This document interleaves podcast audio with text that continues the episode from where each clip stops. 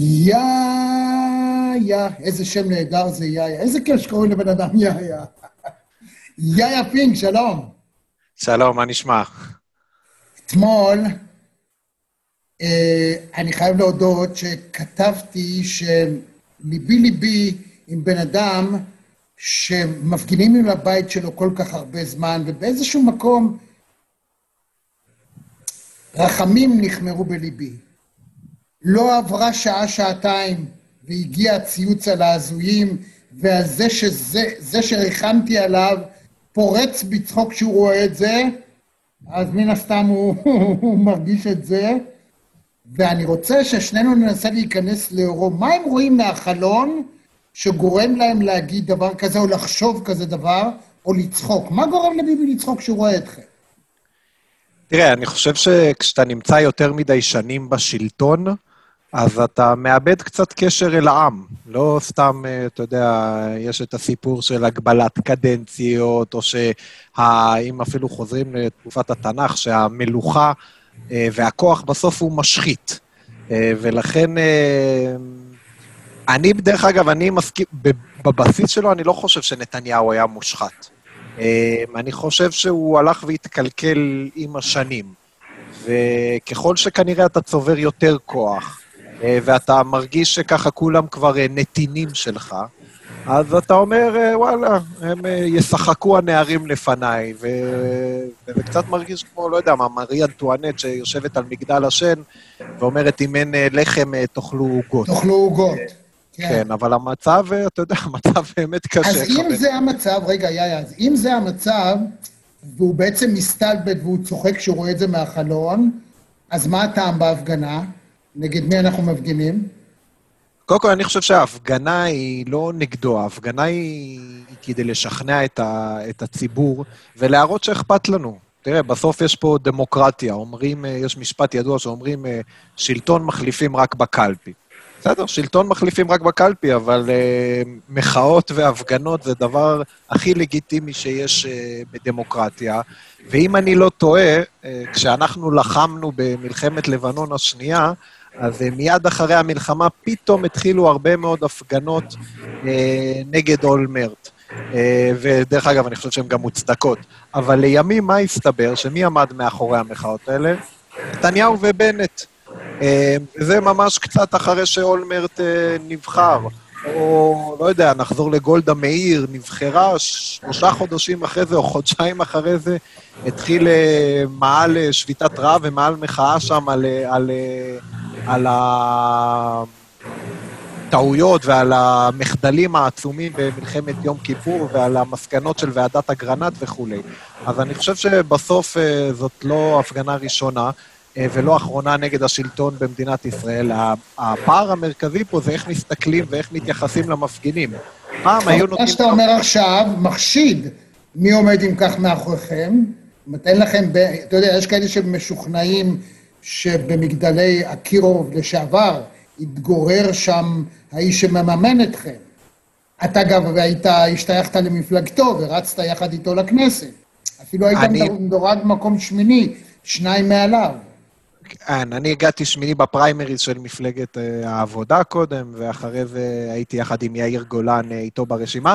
אבל תראה, אני חושב, אני לא מכיר שיש איזשהו מימון של ברק ושות'. אליי זה לא הגיע שום דבר. דרך אגב, אם הוא מחליט אה, והוא רוצה לתרום לדבר הזה, אני לא חושב שגם יש בזה משהו פסול. סך הכל הוא אזרח במדינת ישראל, וזכותו המלאה, אני לא מכיר דרך אגב שהוא עושה את זה, אבל זכותו המלאה לממן אוטובוס להפגנה. אנחנו, דרך אגב, ואני היום מנכ"ל של תנועת דרכנו, החלטנו לצאת לפני 24 שעות בקמפיין של מימון המונים. כי היועץ של ראש הממשלה, טופז לוק, אמר בגלי צה"ל שאנחנו מממנים את ההפגנות. א', זה שקר, אבל אמרנו, טוב, בואו ניקח את האתגר שלו ונצא באיזשהו קמפיין מימון המונים, ותוך 24 שעות כבר תרמו 50 אלף שקלים, ובזכות וואו, זה במוצא שקרוב, כן? ובזכות זה במוצ"ש הקרוב הולכים להיות אוטובוסים שיצאו מבאר שבע, מחיפה, מתל אביב וממקומות אחרים. אז לכן אני חושב שזאת מחאה הכי אותנטית אה, שיש. אה, היא באה מתוך משבר מאוד גדול. הרי למה היא קורית עכשיו ולא לפני שנה, שמונה שנים או שבע שנים? הרי נתניהו כבר בשלטון פחות או יותר מאז שנולדתי. היא קורית עכשיו בגלל, ש... בגלל שיש משבר כלכלי מטורף, בגלל שיש שלושה כתבי אישום, בגלל שדברים קורים במציאות, ולאנשים נמאס להם, הם מרגישים שהחוזה הבסיסי בין האזרח לבין המדינה הופר. אני רוצה להגיד לך, קודם כל, שהתרומה שלך לחברה היא מאוד מאוד חשובה. עצם העובדה שאתה עושה את מה שאתה עושה, והסתכלתי בתשומת לב יתרה לנאום שלך פה ושם, דברים שאתה אומר, האופן שבו אתה מופיע, יש לך את זה. זאת אומרת, יש לך תכונות מולדות של אה, מנהיגות, ויכולת להנהיג, ואתה יכול להגיע רחוק לפי דעתי, וטוב שקיימים אנשים מן הסוג שלך, שהם שמים מהזמן שלהם, מהמרץ, מהתבונה שלהם, מהמנהיגות שלהם, לכל דבר שהוא לטובת החברה. זה בראש ובראשונה. עכשיו אני רוצה לשאול אותך ברמה המעשית, אתה יודע, המון המון הפגנות. איך אתה יודע בסופה של הפגנה שהפעם זה היה טוב או לא טוב? איך אתה שופט את עצמך בדרך לאוטו חזרה, בדרך הביתה? מה, מה, מה עובר לך בראש? אה, יש שני קריטריונים מבחינתי. א', כמות האנשים. וירושלים, בתור ירושלמי, בתור ירושלמי אני אומר לך שתמיד אה, ירושלים נחשבה ל... לא יודע איך לקרוא לזה, בית קברות להפגנות. כאילו אומרים, לא, בירושלים מאוד קשה להביא אנשים, ולא זה, והיינו אומרים, חבר'ה, דווקא המקום לעשות את זה בירושלים, זאת עיר הבירה שלנו, זה המקום הכי חשוב, זה זה. אז אני חושב שלהצליח להביא כל כך הרבה אנשים לירושלים, אה, זה תעודת אה, כבוד, זה אחד. ושתיים, לפי כמות הספינים שהצד השני מוציא. עכשיו, אם זה לא היה מפריע להם, אז הם היו נותנים לזה לעבור uh, מתחת לגשר. אבל uh, ברגע שהם מתחילים כל פעם משהו אחר, פעם מפיצי מחלות, פעם אנרכיסטים, פעם פה, פעם אין... אה, חמוצים. חמוצים, מה, הכל. ותשמע, ההפגנות האלה הן באמת, זה פשוט עם ישראל, וזה אנשים, אתה יודע, צעירים, יש עכשיו, יושבים בגן העצמאות, אנשים, אין להם איך לשלם את השכר דירה. יש אה, אומנים, יש מסעדנים, יש אה, אנשי התיירות, אנשי... אנשים פשוט באמת שבורים, ומרגישים שהמדינה פשוט אה, זנחה אותם ברגע הכי חשוב. הם אומרים, כל החיים אנחנו משלמים מיסים. כל החיים אנחנו נלחמים. אני הייתי קצין קרבי, עדיין אני עושה הרבה מאוד ימי מילואים בשנה. וברגע שאתה צריך את המדינה, פתאום אומרים לך, אתה אנרכיסט, לך תחפש את החברים שלך. אני רוצה להגיד לך, המרואיין שהיה לפניך אתמול או שלשום היה חיים רמון, מי שהיה פעם אה, המשנה לראש הממשלה ושר המשפטים, שר הבריאות, אה, יושב ראש ההסתדרות, והוא אומר, שר פנים גם, הוא אומר שביבי נמצא היום בעמדה כמו ב-73, שלאחריה הייתה נקודת שבר. שאחרי גולדה ומה שקרה במלחמת יום הכיפורים, פה מדובר במשבר שאחרי קורונה, פלוס ההאשמות הפליליות, הן יכולות להיות המשבר שישבור את ביבי, ובאיזשהו מקום יעשו הפיכה המונית במובן הרעיוני, ובמובן של האומץ לאנשים לשים פתק אחר. מה אתה אומר? תשמע, אני מקווה שהוא צודק, יש לו בטוח יותר ניסיון אה, פוליטי מאשר לי, למרות שהרבה פעמים הוא גם טעה בהערכות הפוליטיות שלו. אמ, אני חושב שכן... נאום הלוויתנים שלו היה אחד מנאומי הנבואה המדהימים בהיסטוריה הפוליטית של מדינת ישראל. זה נכון. אה, אבל אני גם חושב שהוא אחראי קצת לשבר בהסתדרות. אה, לא משנה, זה, אתה יודע, זה סיפור ארוך. אני בסופו של דבר חושב שכן יש פה, אני מסכים עם זה שיש פה איזושהי נקודת שבר, איזשהו קו אדום, כי יש פה שילוב של כמה דברים שלא היה עד היום. א', הנושא הכלכלי-חברתי, שזאת הבטן הכי רכה של נתניהו, אה, כי בסוף אין מה לעשות, הבן אדם הוא חצי טייקון מקיסריה, שפשוטי העם לא יותר מדי מעניינים אותו. אמ, והנושא הכלכלי-חברתי, ובצדק, זאת בטן רכה שלו.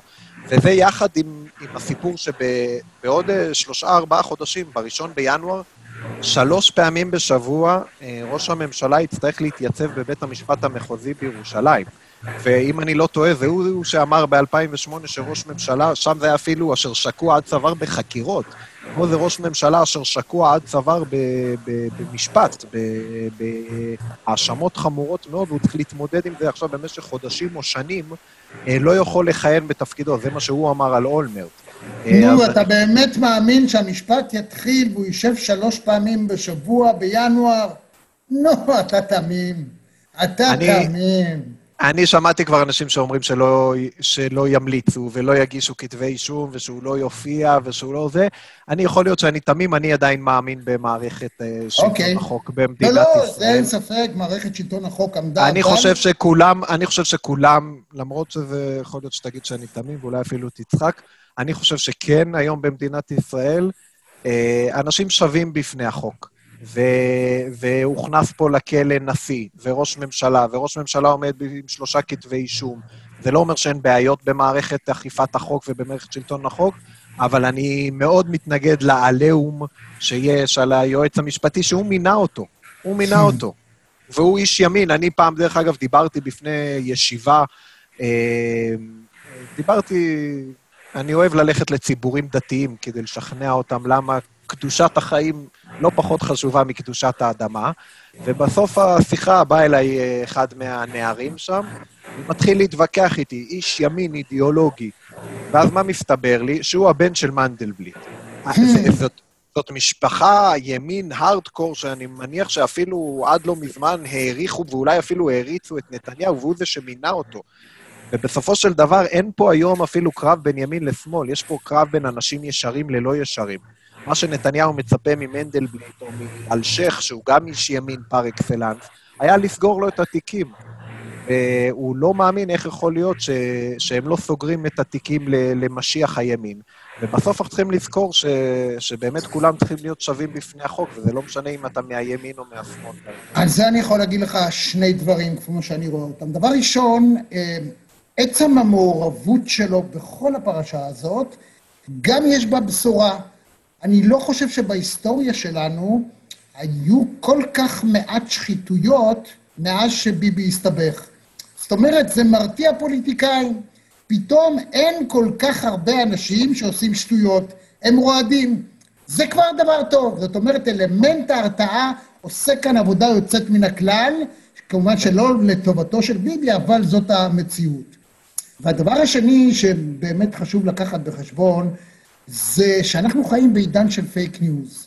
ופייק ניוז במובן של אריק שרון היה הראשון, נדמה לי, שאמר שאם תגיד שקר מספיק פעמים, הוא מחלחל פנימה. וכשאתה אה, בא לדבר אל ההיגיון, הוא לא עובד. זאת אומרת, אנשים מתבצרים בדעה מסוימת, ותמיד יחפשו את ההצדקה לדעה שלהם, ולהיגיון אין מחסום, אין כניסה, יש מחסום בלתי עביר. השאלה היא איך אתה מדלג על פני המחסום הזה, כי כרגע אני לא רוצה להניח שכל האנשים שהם אנשי ימין, הם לא אנשים שבליבם הם רוצים להיות ישרים, שהם אנשי חוק, שהם רוצים שאנשים שחטאו אה, בשוחד, מרמה ובהפרת אמונים ישלטו עליהם. אבל בכל זאת יש משהו שמונע מהם להסתכל על הנושא לגופו של עניין. איך אתה מתגבר על זה? תראה, אז א', אה, צריך לחזור לעובדות ולמציאות. הבחירות האחרונות היו על סוגיה אחת, כן ביבי או לא ביבי. ובסוף אפשר לספר הרבה סיפורים, אבל על זה היו הבחירות. במשך כל הבחירות נתניהו אמר, שימו לב, ליברמן הוא איש שמאל, הוא הולך עם הצד השני. שימו לב, גנץ ילך עם uh, טיבי וזה, כל... באמת, מבוקר עד ערב שטף את כולם בזה. אחרי ששטף את כולם בזה, נגמר 62 מנדטים לצד שאמר, מספיק שנים נתניהו היה בשלטון, לעומת 58 מנדטים שאמר, צריך לתת לנתניהו עוד.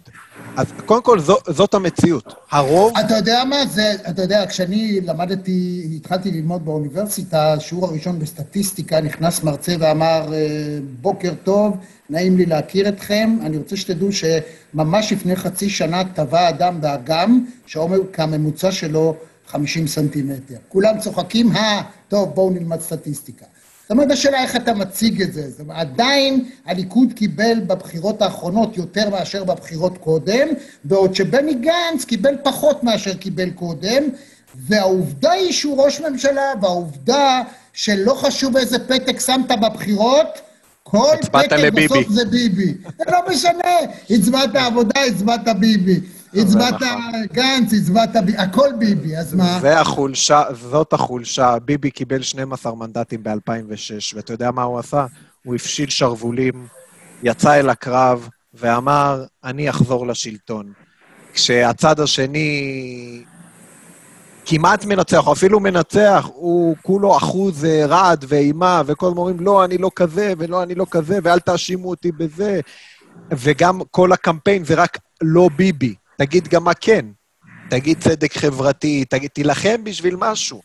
ואני חושב שזאת חלק מהבעיה שיש בנו, בצד שלנו, שאין את ה killing instinct, אין את הווינריות, בסדר? אני אוהד אה, אה, הפועל קטמון, אוקיי?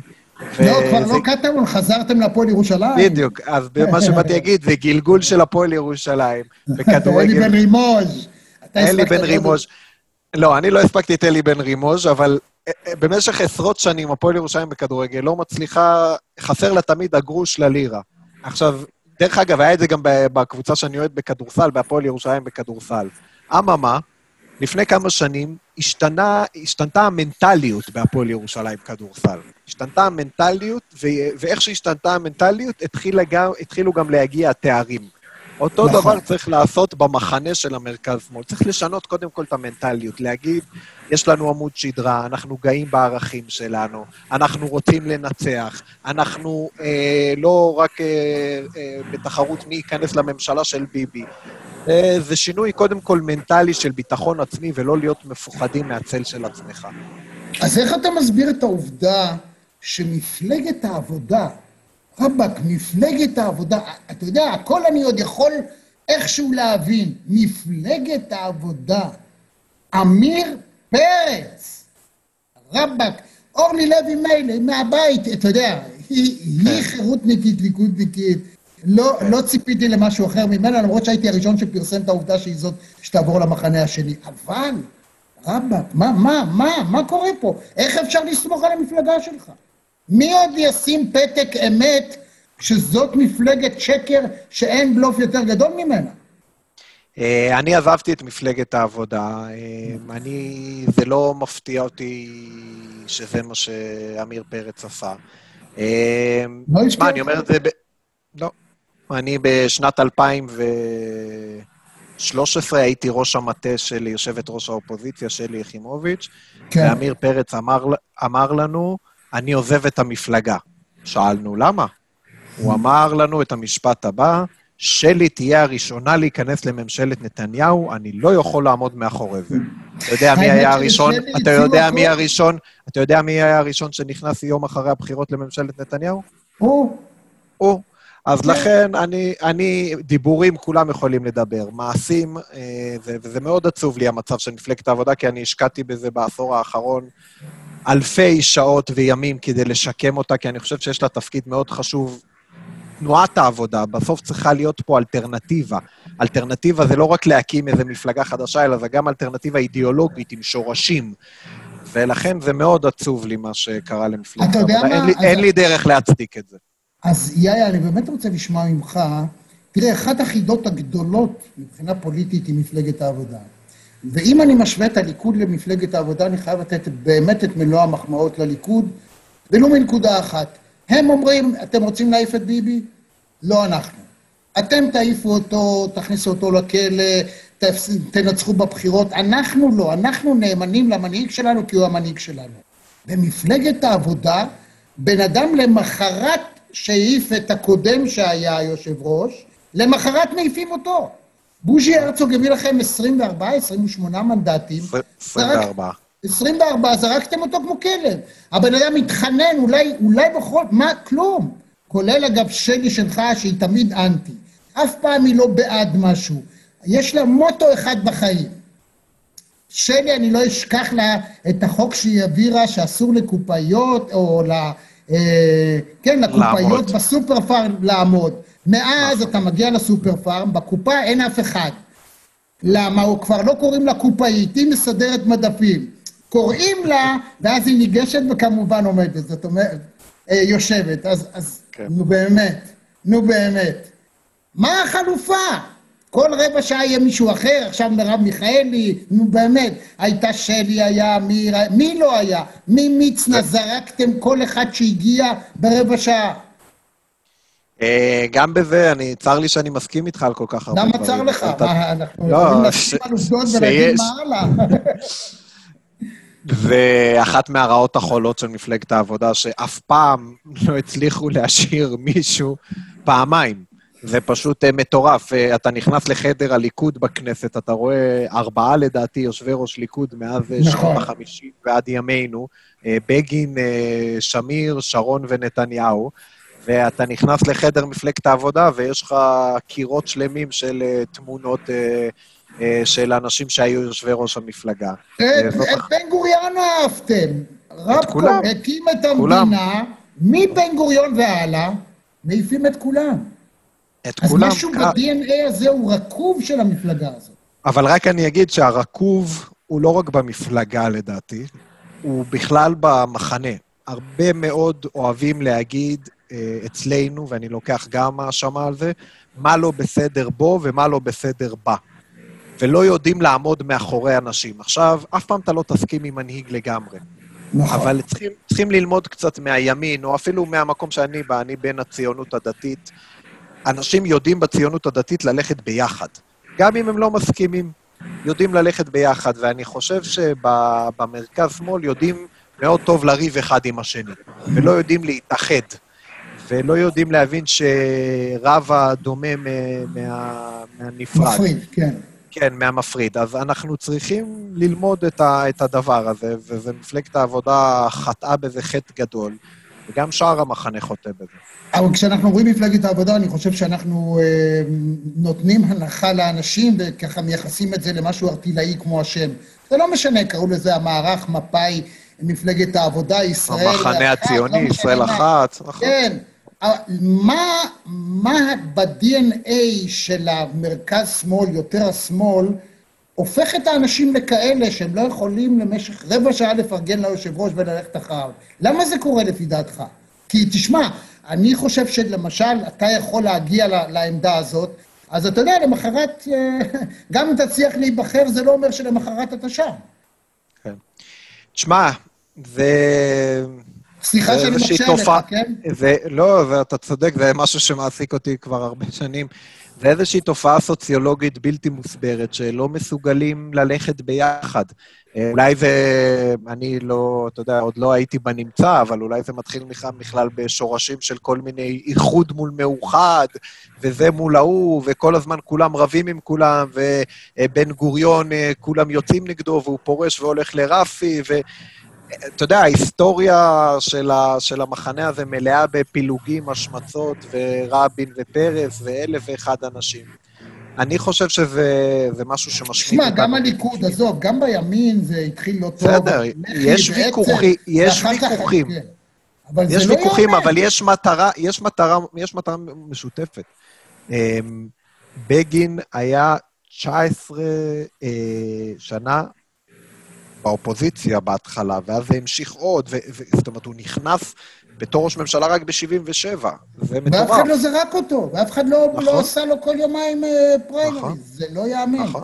לכן, תשמע, אה, קשה לשמאל לגייס אנשים בדיוק מהסיבה הזאת. אגב, זה לא מאפיין רק את אה, מפלגת העבודה, גם במרץ כל רבע שעה יש להם שם אה, מישהו תורן חדש ומעיפים אותו מיד והוא הולך הביתה בבושת פנים, לרבות משולה אלוני ויוסי שריד ומי לא, הם העיפו את כולם. אבל אני אגיד מה- על זה, רמי, שאני כן חושב שבסופו של יום עדיפה אה, דמוקרטיה מאשר דיקטטורה. זאת אומרת, אה, דמוקרטיה מביאה לך גם כל מיני תופעות כאלה, וצריך לדעת איך לאזן אותן. אני חושב שבליכוד יודעים איך לאזן את זה. יש שם גם דמוקרטיה, אבל לא מחליפים יושב ראש כל שתי דקות.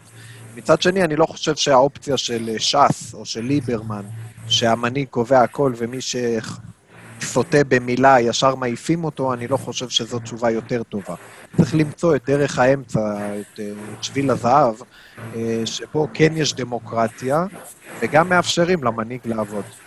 אז בוא דבר איתי ותגיד לי, איך אתה רואה כאדם שלפי דעתי יש לו את הכלים להפוך למנהיג, איך אתה בונה את עצמך באופן שאם תהיה מנהיג ואם יבחרו בך, תצליח למשוך, להחזיק את קהל הבוחרים, המצביעים והתומכים שלך, שיישארו איתך.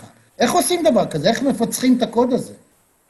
אמ, אני חושב שצריך לבנות מודל שונה לפוליטיקה הישראלית. אני הקמתי לפני חמש שנים ארגון שקוראים לו לובי 99, אמ, שהוא כולו מבוסס על שיתוף ציבור ומימון המונים. מה הכוונה? מי שקובע ללוביסטים הציבוריים שלנו מה נתעסק ומה נקדם בכנסת זה הציבור הרחב. היום הפוליטיקאים נמצאים במגדל השן בירושלים, ויש נתק, אתה יודע, עשיתי אולי 300 או 400 חוגי בית בשנים האחרונות. יש וואו. נתק כל כך גדול בין הציבור הישראלי לבין הפוליטיקאים. וחייבים, והיום בשנת 2020, באמצעות הסמארטפון, אפשר לעשות את זה בצורות כל כך מתקדמות, לייצר חיבור, לייצר חיבור, שבן אדם שיושב עכשיו בקריית שמונה, בירושלים, באילת או ב... לא יודע איפה, בבני ברק, יוכל להגיד לפוליטיקאים משהו, יוכל לשמוע משהו, יצטרך אה, לדבר איתו, להשפיע על קבלת ההחלטות שלו. אני חושב שצריך לבנות אה, פוליטיקה שהיא הרבה יותר של שיתוף ציבור. ואז כשהפוליטיקאי תלוי בציבור, מקשיב לציבור, אה, יש דו-צדדיות, אז אפשר לבנות פוליטיקה הרבה יותר הגיונית. וגם אני אגיד משהו שהוא לא קשור לנושא הזה, אבל אני חושב שבאופן כללי, אנחנו באזור של המרכז, מרכז-שמאל, צריכים לדעת גם לדבר ב...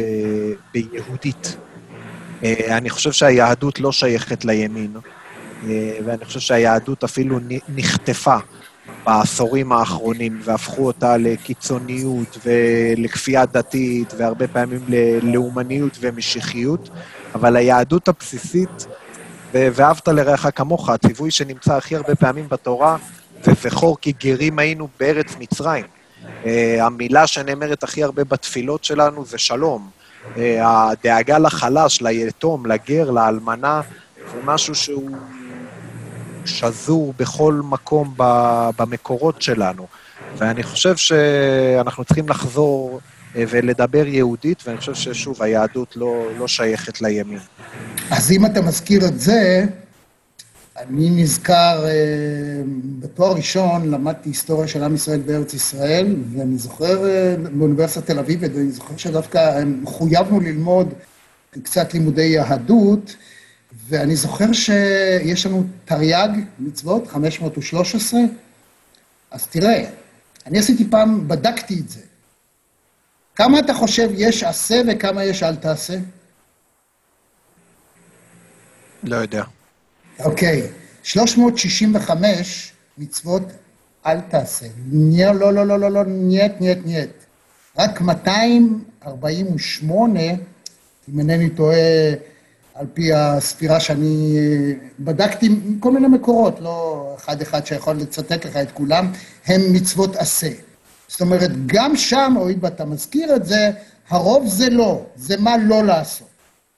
והמיעוט הוא מה כן לעשות, ואהבת. קודם כל, תהרוג, אתה יודע, אנחנו תמיד מתאספים בכל חג, צריך להגיד גם את זה, אוכלים, היידה, נהרוג את הגויים, אנחנו יותר טובים מהם, עם לבדד ישכון, הגויים רוצים להרוג אותנו, העולם אנטישמי, היידה לאכול והולכים הביתה. תשמע, אה, אתה יודע, אני יודע. אני יודע, היהדות יותר מורכבת, אה, יותר מורכבת. נכון, נכון, נכון. אני חושב שהסיפור, נגיד, הכי משמעותי שיש ביהדות זה סיפור יציאת מצרים. אה, זה בעצם התקומה שלנו כעם, הפיכתנו מאני לאנחנו.